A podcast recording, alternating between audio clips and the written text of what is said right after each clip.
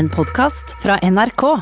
NRK P2. Siden Claes Olsen som ung mann oppdaget musikken, har han arrangert musikkarrangementer. Først i en hotellkjeller på Lillestrøm. Så startet, han etter hvert den legendariske klubben Soat i Oslo, før han i 99 var med på å grunnlegge Øyafestivalen, der han 21 år seinere fremdeles bestemmer hvem som skal stå på scenen. Dette er Drivkraft med Vegard Larsen i NRK P2. Claes Olsen, hjertelig velkommen til Drivkraft. Tusen takk. Altså, jeg beklager på forhånd, jeg er nødt til å spørre. Er det ekstremt belastende med det navnet?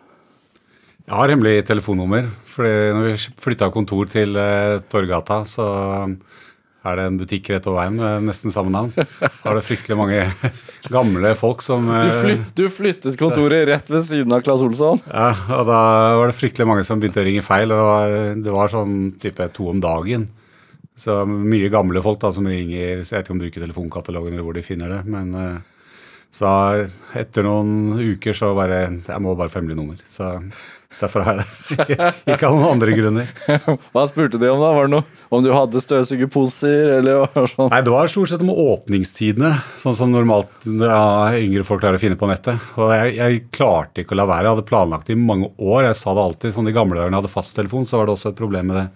Så den, jeg sa at det neste som ringer nå, skal jeg være skikkelig kjip mot. så, så jeg sa faktisk til en gammel dame at eh, det var halv pris på hele butikken fra klokka ni på kvelden. Å, det er gøy. Stakkars, hun sto, sto utenfor klokken ni. Og så ringte jeg rett til eh, og ba om hemmelig nummer etter det. Så hun fikk ikke, tatt, fikk ikke kjeftet på deg heller? Nei. Nei, ikke sant? Eh, altså, eh, vi er slutten av eh, august nå. Det er eh, vanligvis nå Altså, i fjor på denne tiden, hva gjorde du da? Nei, Da hadde jeg litt sånn debrief etter festivalen, egentlig. Øyafestivalen. Etter Øyafestivalen. Og eh, samtidig som han egen, eh, i min jobb som jeg begynner å jobbe med neste år med en gang. Så eh, Og det er jo likt nå at jeg jobber med neste år. Hvor mange Altså, er det neste år, eller er det også året etter? Nei, hovedsakelig neste år, som begynner litt før festivalen er ferdig. Men det liksom baller på seg litt spørsmål om særlig største artisten og sånt rett etter festivalen. da. Ja. Så sitter man og lager budsjetter og jobber med hvordan man skal løse eh, headliner-situasjonen for året etter. Eh, så det gjør jeg i og for seg nå. Men eh, all den debrifinga og evalueringa etter årets festival, den, eh, den er borte. Ja. Så jeg har litt mer tid. Er det Er det deilig på noe vis, eller er det egentlig mest ordentlig, ordentlig skit? Nei, det er egentlig mest ordentlig skit. Eh, Jeg vil si det, men eh, samtidig så er det første gang i mitt voksne liv jeg hadde fire ukers eh, sommerferie i juli. Så vi drev og fleiper om det at kanskje alle vi som har måttet hatt den type ferieavvikling som vi har hatt, at jeg syns kanskje det er litt deilig at vi, mange ender opp som lærere og ser hvor digg det var å ha en norsk sommer. Jaha. Eh, Men jeg tror med en gang liksom ballen begynner å rulle litt igjen, så får man opp den pulsen og det ønsket om å lage festival allikevel. Men det betyr jo at eh, årets festival da koronaen kom i ja, altså, Man begynte jo å skjønne noe liksom rett på nyåret, men det, man forsto ikke alvoret i Norge før i mars, egentlig. Når var det dere måtte avbooke alt? Nei, det var Vi fikk de siste artistene bekrefta sånn i, i begynnelsen av mars. Uh, og da, Da var alt på plass. da Nei, alt var, var ikke helt på plass, men mye i hvert fall. Og så eh, når da eh, de neste forespørslene kom sånn etter 10. mars, da begynte det sånn Nei, skal vi legge bud på nye artister nå? Skal, hva skal vi gjøre med nye kontrakter? Hvor- ja, da begynte det å bli veldig mye sånn juss. Ja. Uh, hvordan vi skal liksom passe oss her nå. hvor Vi må forsikre oss mot at vi ikke går inn i avtale. For nå, nå vet vi jo om faren. Ja. Så nå er man naiv hvis man signerer på en kontrakt nå, hvis man eh, binder seg til noe. Alt som var gjort før den tid, så var det en normal, noenlunde normal situasjon. da, I hvert fall for august, eh, som var da et halvt år fram i tid. Så det ble veldig mye jusarbeid og mye prat med advokater og hvordan man skulle liksom bevege seg i det nye territoriet.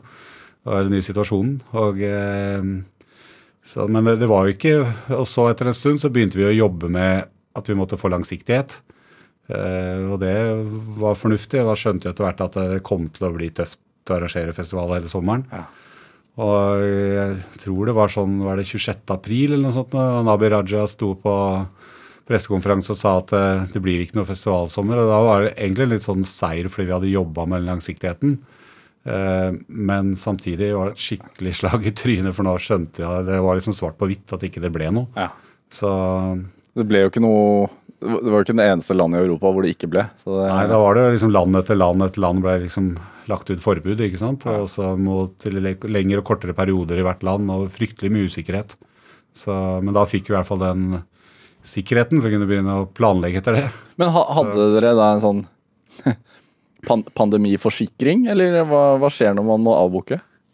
Nei, det var ingen eh, Kun noen tyske festivaler i hele verden som hadde pandemiforsikring. Men eh, av etter svineinfluensaen så ble pandemi fjernet fra alle, alle forsikringsmuligheter, stort sett, bortsett fra en sånn gammel eh, tysk forsikring som noen tyske festivaler hadde. Så, så det var dessverre umulig. Men eh, det er jo sånn når det blir et forbud, så kommer man inn i noe som heter force majeure, og da må alle parter gå hvert til sitt da, med sitt eget ansvar. Ja, Det var derfor det var så viktig å få det forbudet på plass. Ja, ja. Så det er ikke noe Det betyr ikke kroken på døra økonomisk at man må avlyse? Nei, vi skal klare oss, vi altså. Det skal vi. Ja. Er det, men er det sånn som når du er kjent med festivalbransjen sånn som du, du er, er det kan det bety kroken på døra for mange festivaler? Altså At det neste år blir en helt annen festivalsommer? Sånn som det ser ut nå, nå er det jo noen eh, uker igjen til den kompensasjonsordningssøknadsfristen er, og man får se liksom, resultatene av den innretninga. Eh, men jeg tror nok de fleste vil få eh, kompensasjon, og da holdes i live gjennom 2020. Men jeg er jo redd for at 2021 blir et litt mer vanskelig år. Altså Jeg tror nok vi får arrangere festival, det håper jeg. tror jeg. Vi, vi tenker sånn at hvis ikke vi har håp, så er det ingen som har håp. Det er ikke noe vits at Vi kan ikke legge oss ned og dø. Vi må måtte bare gønne på å planlegge for den beste festivalen noensinne. Uh, men uh, derfor Men det er mye usikkerhet. Det er mye usikkerhet med blant sponsorer, mye usikkerhet blant artister osv. Så, videre, og så, videre. så så det er viktig å gjøre ting riktig. Det er mye som kan gå feil til neste år. Så jeg tror heller 2021-2022 kan bli det liksom blodige regnskapsåret. Er det? Hvor, hvor mange øh, mennesker hadde dere egentlig venta til, til Tøyen i Oslo?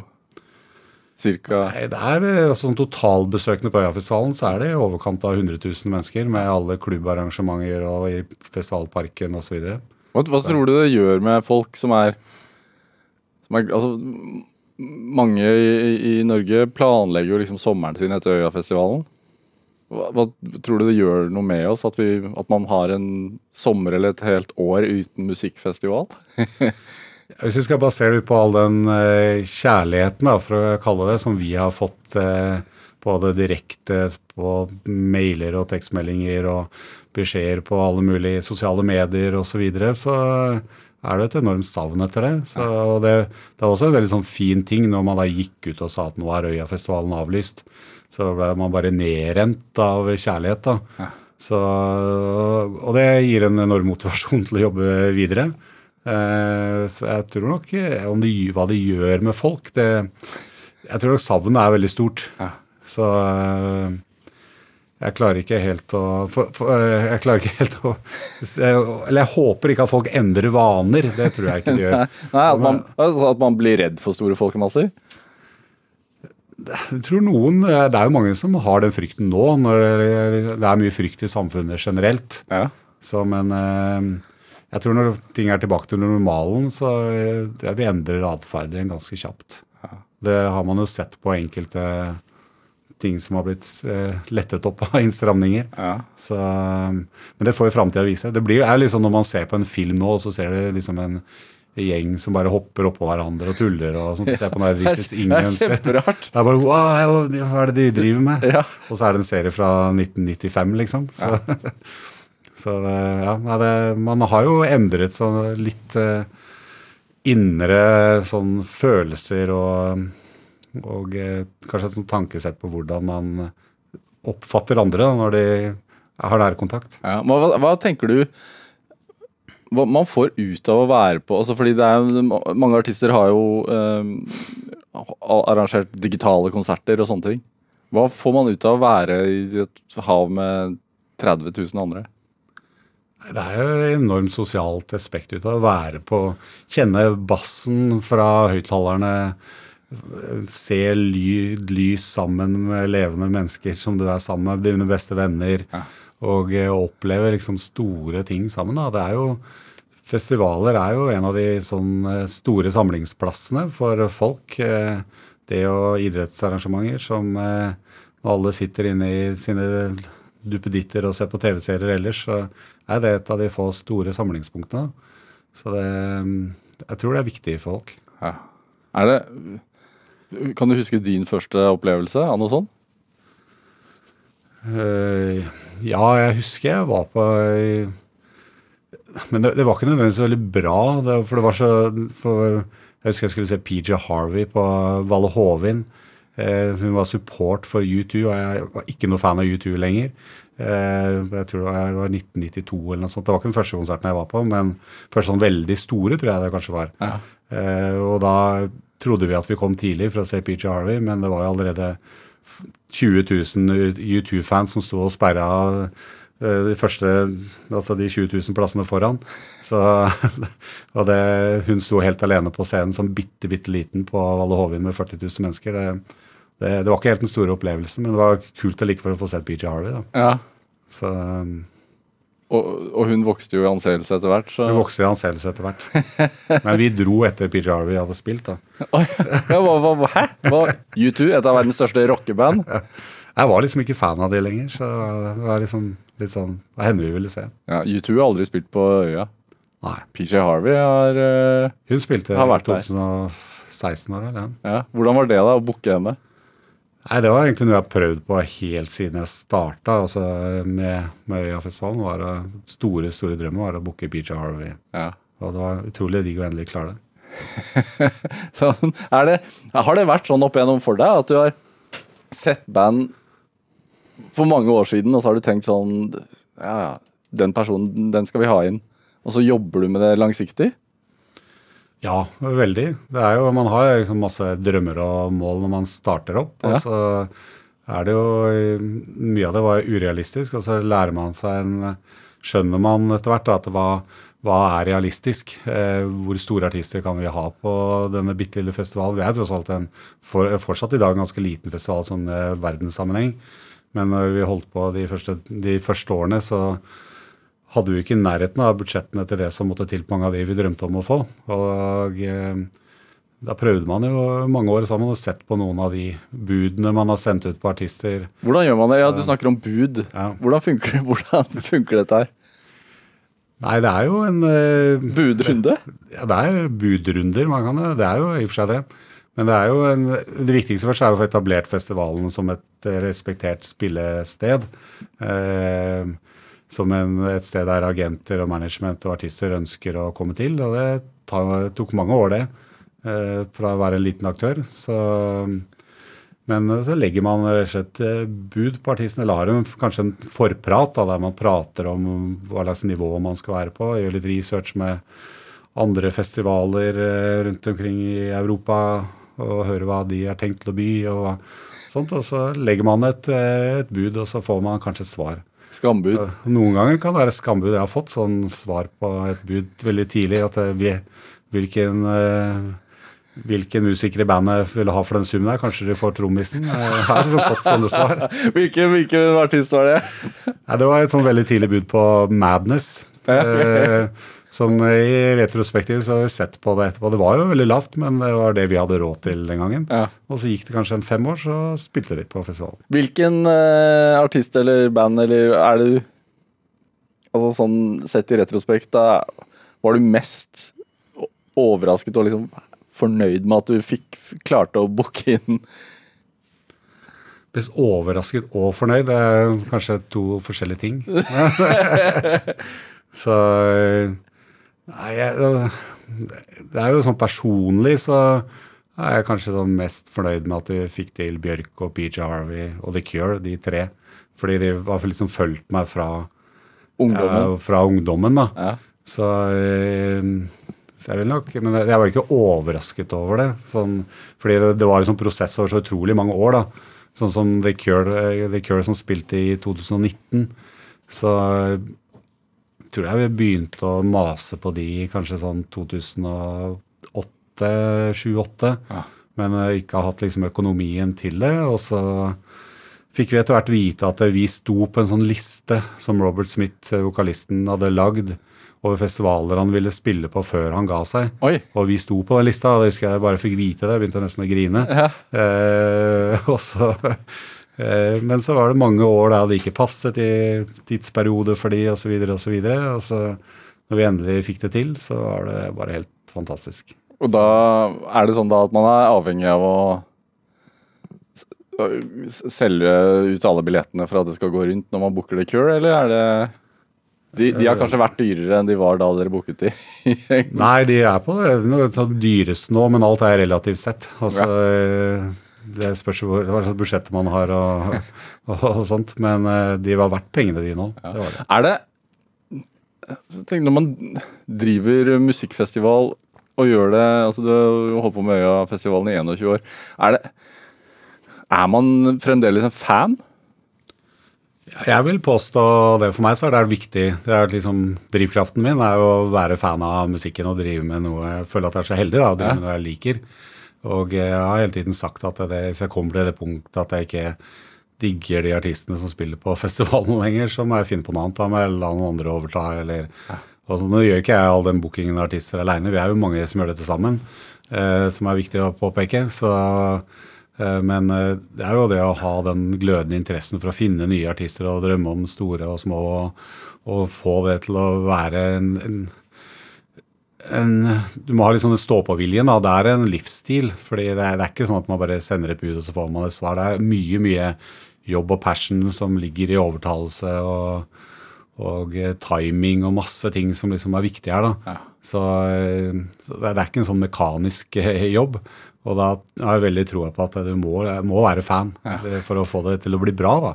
Noen kan sikkert bare gjøre det veldig mekanisk og enkelt, og sånt, men da det er ikke det konseptet som vi vil at Øyafestivalen skal være. Nei, da vil man merke litt at det er mest butikk. Ja, ja, Man kan se på en del liksom, veldig kommersielle festivaler, særlig i USA, og sånt, at det er veldig sånn generisk etter Spotify-tall og, Ja. og sånne ting. Og vi merker jo en sånn endring i, i pitchen til de som skal selge oss artister. Da, at uh, her er liksom sånn, får sånn one sheet med her er alle stati statistikken på hvor mange streaming de har. og og For oss har ikke det betydd så utrolig mye. Det har vært mer å høre på musikken. Så jeg får jo noen ganger svar tilbake jeg spør om jeg kan få høre på det nye albumet som kommer om en måned. Så bare hva skal du med det? Har det noe å si? Bare ja, det har faktisk en del å si. Men hva, hva, hva gjør det med deg hvis du har en artist, og så spiller den på øya, og så blir artisten kjempestor i løpet av året som kommer? Altså at dere har vært med på, på mange måter å liksom introdusere en artist for det norske publikummet? Nei, Det er jo veldig kult, det. Vi, vi har alltid hatt sånn eh, eh, filosofi på at vi Det er kjempebra hvis det vi har satsa på, blir stort, men vi må ikke nødvendigvis gå etter det neste store fordi at det kanskje kan bli det neste store. Nei. Vi må følge liksom kvaliteten, da. Og eh, det har vært filosofien å følge. og da har vi kanskje ikke hoppa på noen sånne nye trender bare for å gjøre det, og sånt, men vi har beholdt oss til at vi syns musikken er bra. rett og slett. hvor mye av uh, musikksmaken din gjenspeiles i det som blir booket av øya? Nei, Jeg vil påstå at det er ganske mye, men så er det ganske mye til mange av de andre som er med og booker festivalen også. Så, Og jeg har alltid, egentlig helt fra begynnelsen, har hatt sånn tanke om at man må høre på folk og ha, lytte til fans. og jeg gjorde det i baren på Sovot, så hadde vi liksom det motsatte av Last Train, som hadde sånn no music request. Vi hadde sånn fortell oss om det nye favorittbandet, så vi også kan få høre om det. Ja. Det var liksom tanken vår, da. For jeg, jeg elsker Last Train, men jeg digga det ikke som eh, 18-åring i baren og ikke kunne spørre mase på det og spille musikk. men nå er det de som driver er gode venner av meg nå, så eh, nå kan vi prate om musikk. Men jeg turte ikke den gangen. Jeg hadde lyst til å liksom gjøre det motsatt. da, at man Jeg hadde lyst til å oppdage nye band gjennom andre folk som eh, eh, Og det var viktig for ham. Det liksom Dette er Drivkraft med Vegard Larsen i NRK P2. Og i dag er uh, sjefen for festivalen, jeg kaller deg det. Nei, jeg er ikke det. Vi har en daglig leder og, og Bo bo Bookingsjefen, da. bookingsjef. er Ja, det. ja, Claes Olsen her hos meg i Drivkraft. Eh, altså, du er fra Lillestrøm. Er Lørenskog. Lørenskog? Ja, det er stor forskjell. altså. Ja, det er stor forskjell. Hva, hva, det er jo stor forskjell, men hva, hva slags sted var Lørenskog på 70-tallet? Nei, det var et ganske bra sted å vokse opp. Det var masse skau. God plass til å drive med det jeg digga da. Så eh, spille fotball og gå på ski. Ja. Ja. Når, når oppdaget du musikken, da? Nei, Det var mer sånn på slutten av 80-tallet. Ja. Jeg hørte på musikk i barndommen, men det var ikke altså jeg var barn. Men eh, Men er det, Var det et musikkhjem? Altså Var hjemmet ditt fylt med musikk?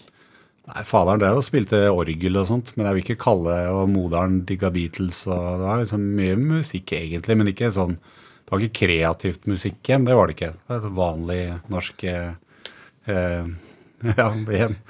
Så eh, Men eh, jeg, jeg elsker fortsatt Beatles, da, så det, det har tatt meg videre.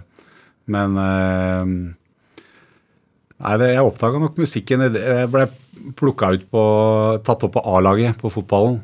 eh, Når jeg egentlig hadde tenkt å slutte med fotball. Hvilket lag var det? Fjellhamar. Jeg hadde gått fra Lørenskog til Fjellhamar for å gå ned i nivå. Og så på juniorlag, og så ble jeg tatt opp på A-laget der isteden. Så ble det plutselig mer alvorlig.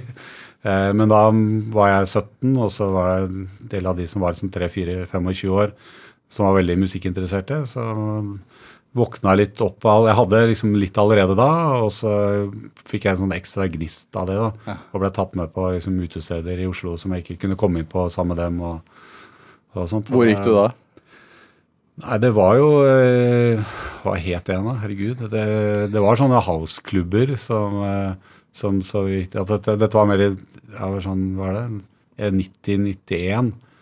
Eh, jeg husker ikke hva de stedene het engang, ja, men eh, i Oslo. Men det var jo, det var jo mm, Kristiania. Det var viktig. Ja. Var det uh, Housekulturen, var den ganske ny i Oslo da, og Norge da, eller? Ja, det var i Lillestrøm det starta. Kanskje derfor du trodde jeg var fra Lillestrøm. Ja, det var det. Nei, Det er ikke så mange som tror det, men det er, det er blitt dokumentert på NRK på en sånn TV-serie en gang. Ja. At det var prosjekt i Lillestrøm var liksom et av de første stedene i Norge som spilte housemusikk over lang tid. da, Som hadde DJ-er som eh, drev da i en kjeller eh, på et hotell. Eh, ganske luguber klubb, men de spilte type sånn Depeche Mode, The Cure, Happy Mondays og alle sånne ting tidlig på, på kvelden. Og så ble det Syntbasert. eh, housemusikk, eh, klubbmusikk etterpå. Ja. Og da var liksom vi, vi, vi var der og dansa og drakk til, til bitter enn hver fredag-lørdag. Og så, begynte du å arrangere de- ting der selv, eller? Ja, ikke Jo, jeg flytta til eh, Manchester, og så eh, Da fikk jeg masse ny inspirasjon. Ja. Og i mellomtiden så blei det prosjektet nedlagt. Eh, Jeg husker jeg fikk eh, lange brev av kompiser som omtrent gråt fordi hva skal vi gjøre nå og sånn. Kom de over og besøkte meg, og så dro vi på Hacienda og Brick House og masse kule klubber i Manchester. Eh, Og når jeg da kom hjem igjen, så var det de samme folkene som drev prosjekt. De hadde også begynt med en del sånne klubbkonsepter i Oslo. Eh, som var sånn type fredager eller lørdager på annenhver uke og litt sånn forskjellig. Ja. Eh, men eh, da Men altså, hva var det som var altså, Når folk ringer deg og, og nesten gråter fordi at klubben er nedlagt, hva, hvorfor var det så viktig? Hva var det det representerte som man ikke hadde et annet sted, tenker du? Det var et sted som folk eh, kom fra hele Norge for å dra på. Og DJ-er og sånn. Det reiste liksom til prosjektet Lillestrøm. Det var det eneste stedet som hadde de nyeste tolvtommerne eh, innen housemusikken på den tida.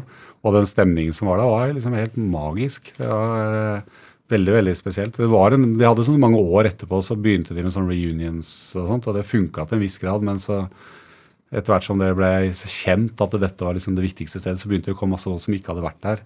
Da på en måte ble det litt sånn utvanna. Men, eh, Men hvorfor var det viktig? Var det Fordi at det spilte musikk som man ikke hørte andre steder? ja, som ikke var tilgjengelig, rett og slett. Ja. Så, og så fikk de jo noen sånne hva skal vi kalle det, vi kalte det kanskje sånn Project Anthems, altså sine egne låter som var liksom kjennetegn fra som det bare de hadde og sånt, ikke sant. Så det var jo, Musikk var jo mindre tilgjengelig på den tiden. Så Og mer magisk, kanskje? Ja, både òg. Men eh, det var jo selvsagt noe magisk i det å kunne bare på en fredag Du visste at fem over tolv så spilte de den låta som de ikke fikk høre noen andre steder i verden. Ja. Eller kanskje verden, i hvert fall i Norge. Så det var jo en magisk opplevelse det å stå på dansegulvet, kanskje oppå en kasse og danse, liksom. Det var veldig spesielt. så, men eh, men etter hvert så begynte man jo å liksom få taper og sånt av DJ-ene på å kunne ha det hjemme og sånt. Det ble nesten litt sånn Det, det var veldig kult å ha det på vorspiel og sånt også. Ja. Men eh, det var nesten egentlig litt bedre da man ikke hadde den tilgjengelig. Hvordan rykte hadde denne klubben i Lillestrøm, da?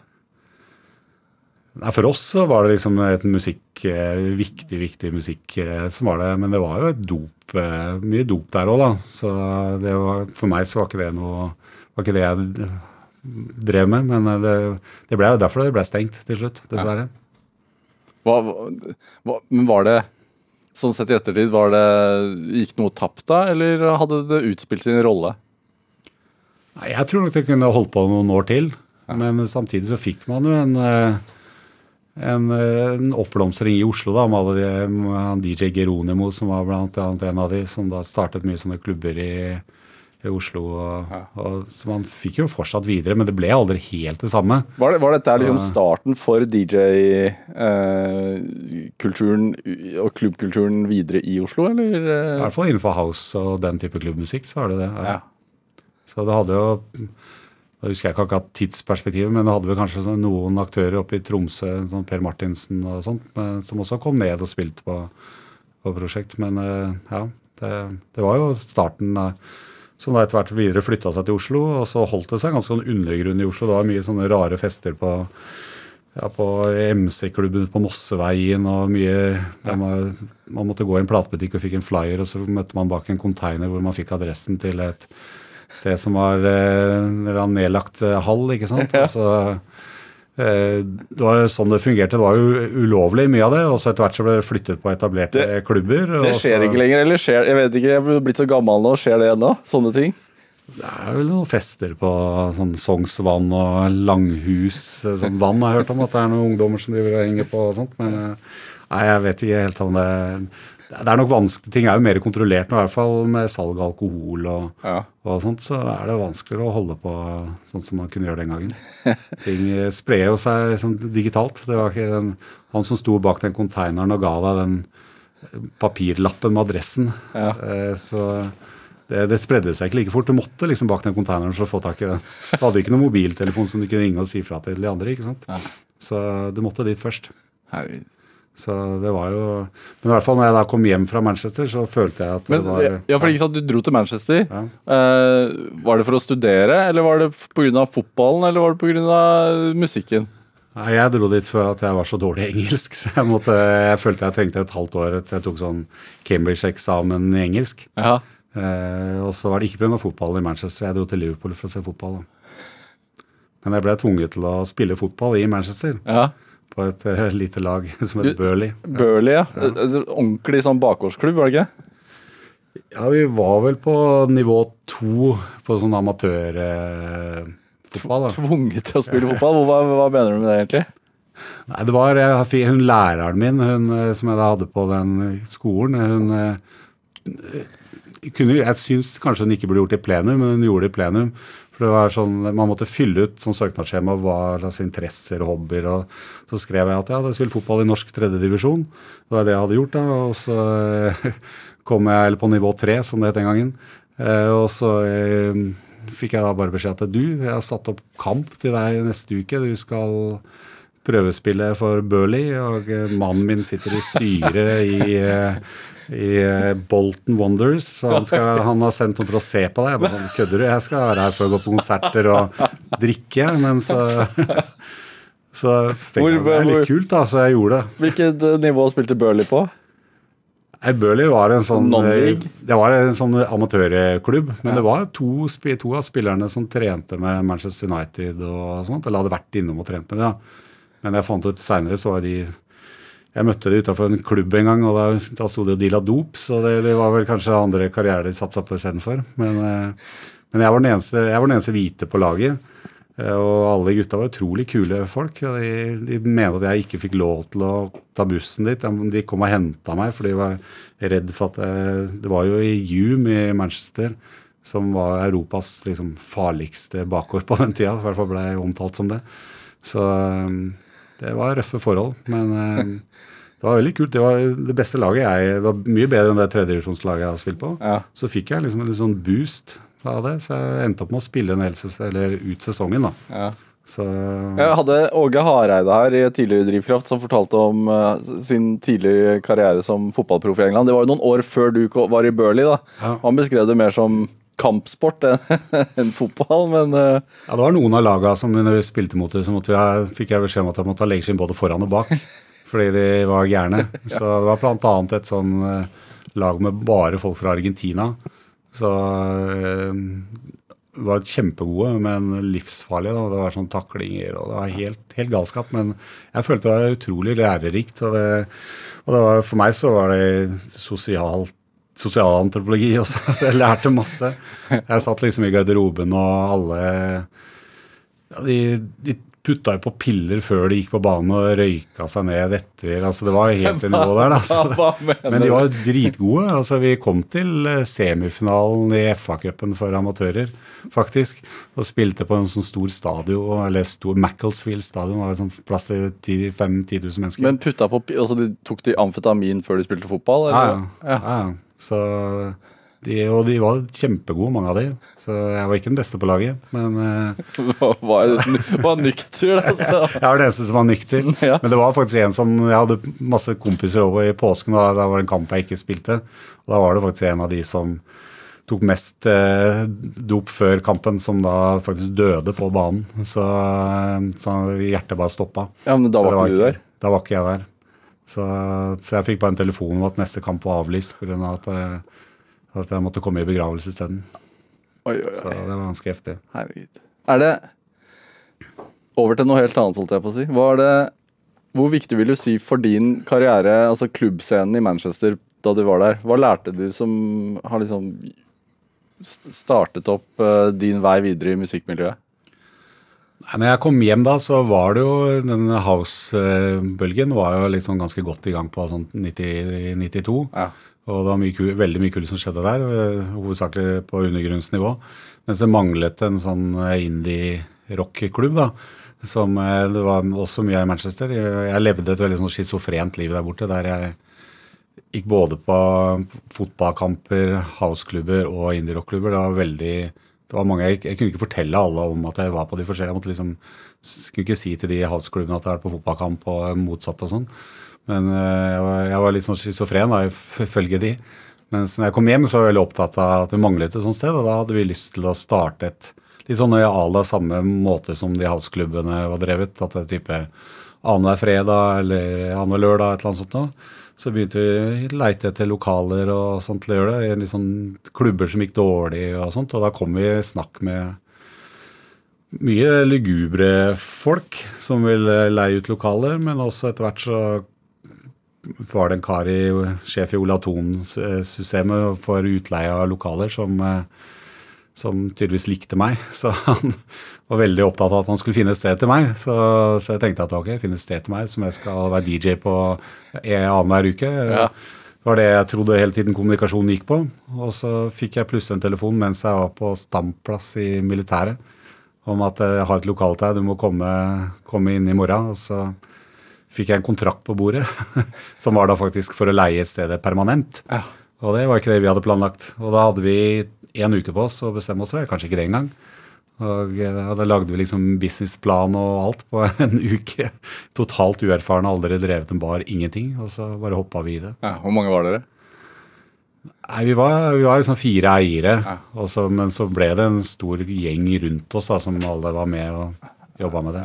Ja, og du snakker, snakker om Sowot eh, i Oslo, som, som etter hvert eh, bygde seg opp til å bli en ganske legendarisk klubb i, i, i hovedstaden. Og, og, hvor gammel var du da?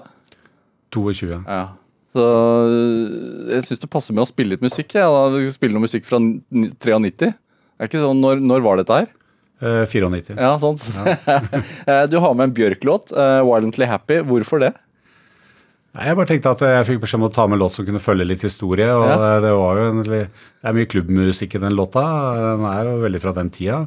Samtidig som hun spilte jo på Øyafestivalen til slutt. Ja. Så det var fantastisk. Og, det, og du Dere fikk en ganske god eh, tone. Altså, Ja. Bjørk har jo rykte på seg for å være en vanskelig artist. Ja, Vi fikk veldig sånn streng beskjed på forhånd at eh, hun skulle ikke ut på byen. Hun skulle ikke møte noen fans, hun skulle ikke gjøre noen ting, ikke møte noen. Og så var det litt sånn tilfeldig at hun fikk høre at vi hadde en felles bekjent i New York, som hun da var veldig glad i, da, tydeligvis. Så hun da ba meg komme inn, og så begynte vi å prate om han. Og så endte det med at eh, vi dro ut på byen og var sammen til klokka tre-fire om natta. Ja. Så, og så bare prata og prata og prata. prata. Så Utrolig kul dame. Så det var jo et litt sånn ikke bli for starstruck moment, men eh, ja, det var Blir du det? Blir Claes Olsen starstruck i, etter 21 år med Øyafestivalen? Det er kanskje et par, altså sånn type Bjørk og Robert Smith og sånt, så blir man jo litt sånn eh, La oss i hvert fall høre Naturlig. på Violently Happy. Since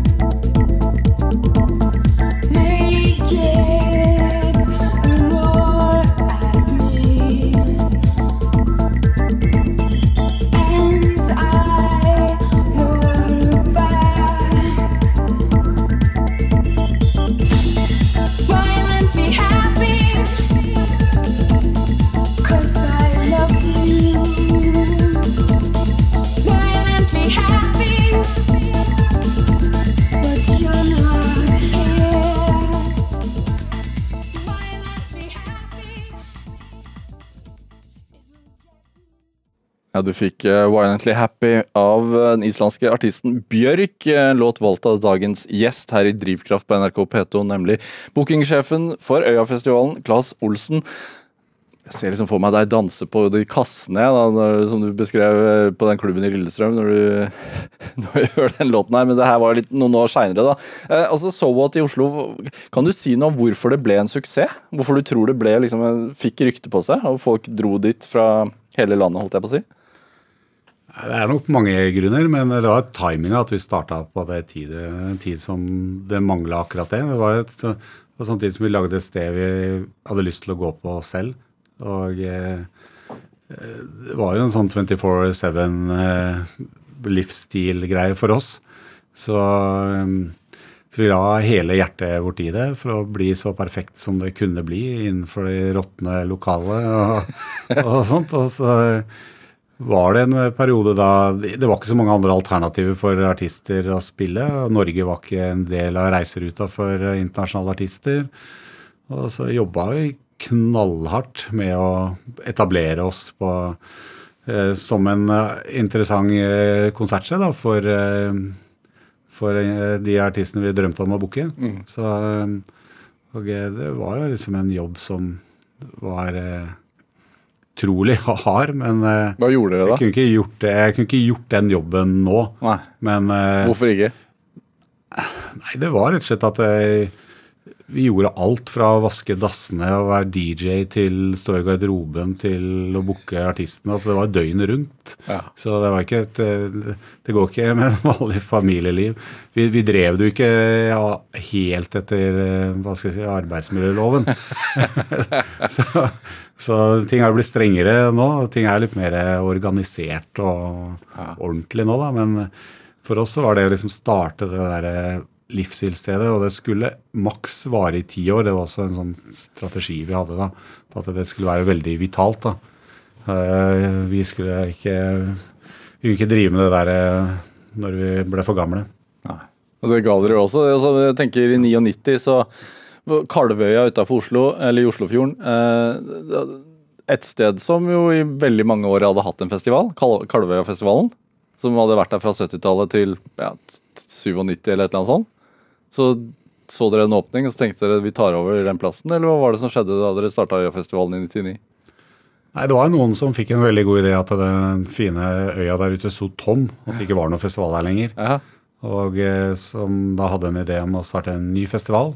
eh, og som kom til meg med den ideen, og så tok jeg den ideen videre til flere. Og så til slutt så ble vi liksom et team som lagde Hva, hva syns de, de De som hadde hatt Kalvøyafestivalen om det, da?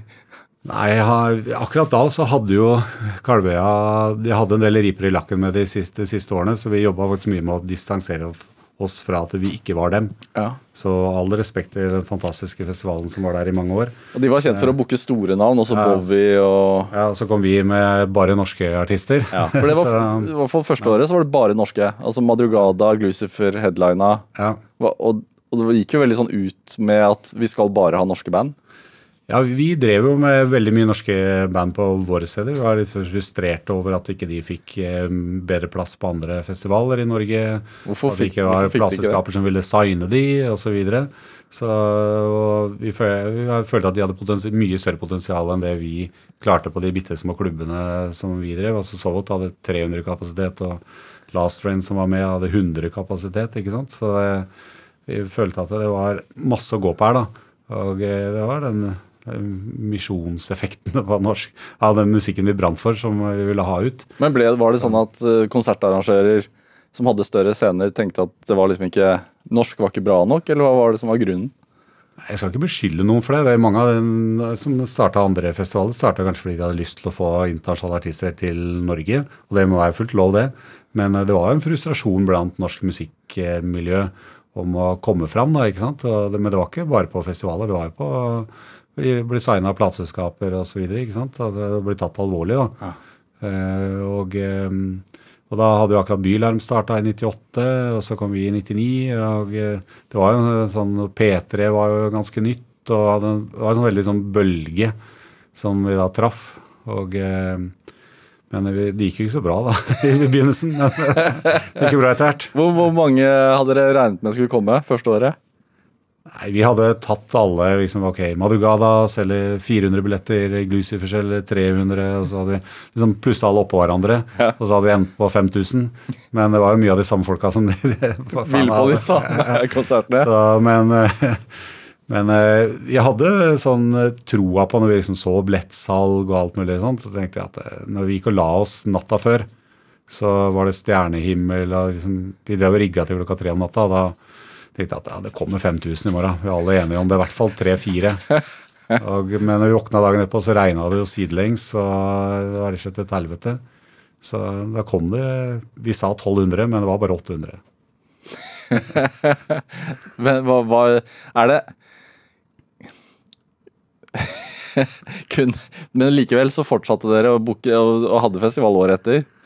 Ja. Ja, vi tapte ikke så mye penger, for vi gjorde eh, liksom alt sjæl. Ja. Så det var jo totalt kaos, alle gjorde alt og sånt. Men vi tapte jo en del penger. Men hvordan er det å få eh, den i trynet?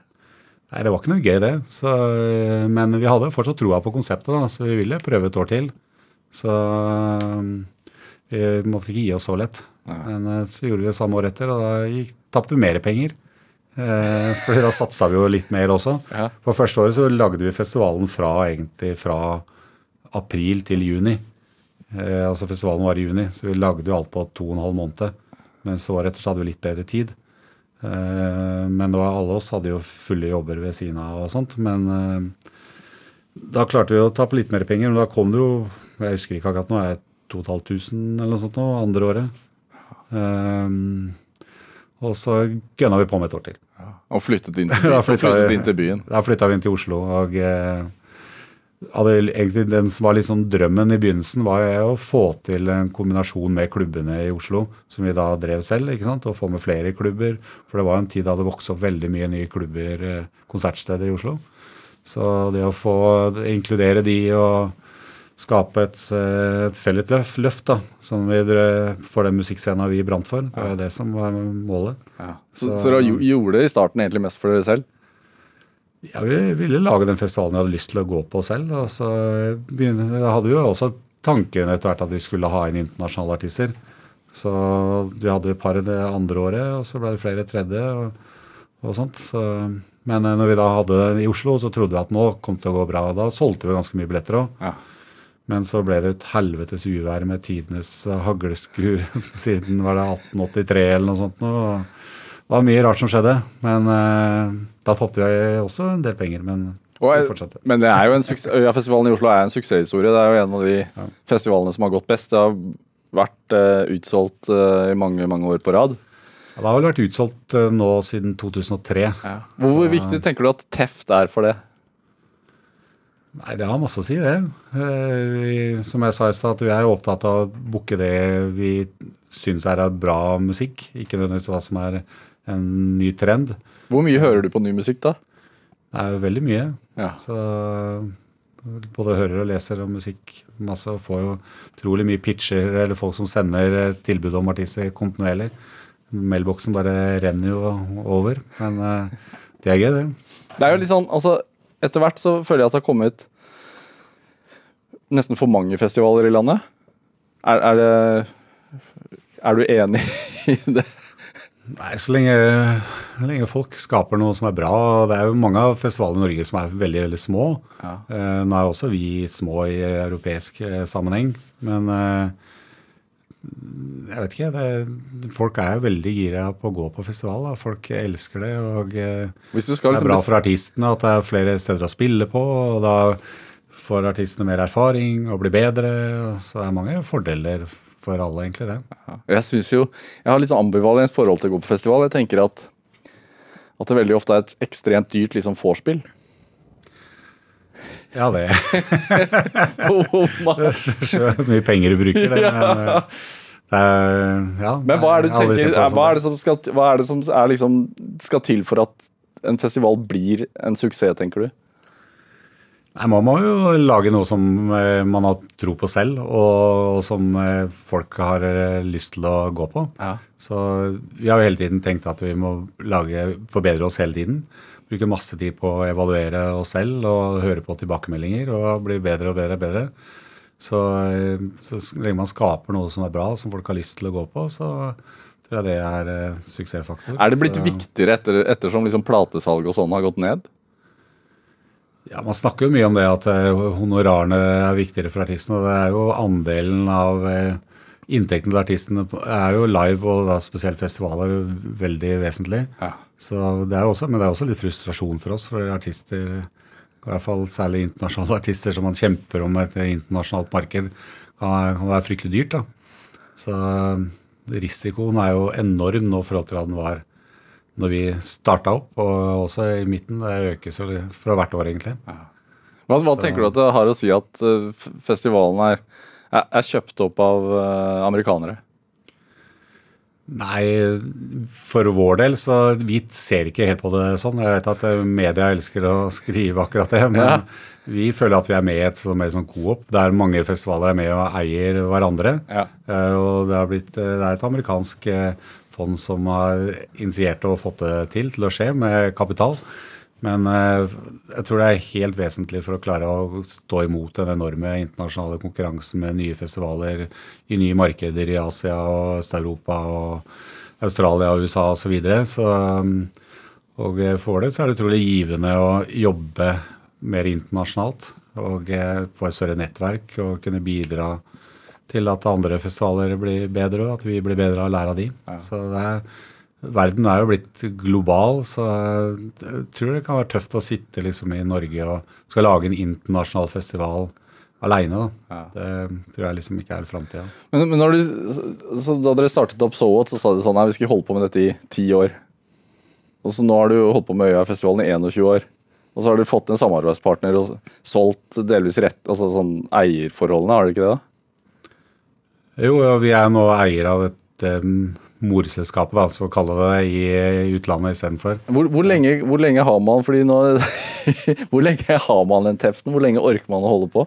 Sånn sånn som nå når du får den i trynet den sommeren her da, og merker at ja, ja, fire ukers sommerferie er ganske deilig.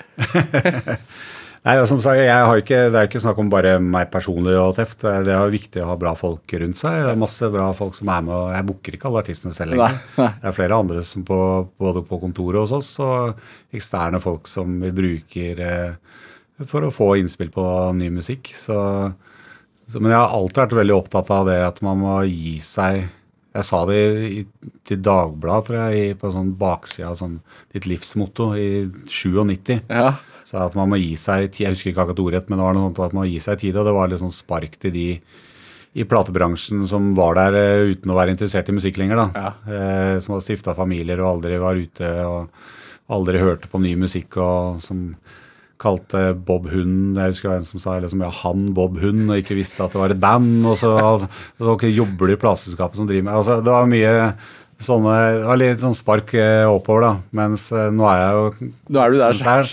selv, men eh, jeg har hatt noen sånne forbilder, sånn type Harald Are Lund og John Peel, som har holdt ut fryktelig lenge og fortsatt har interessen.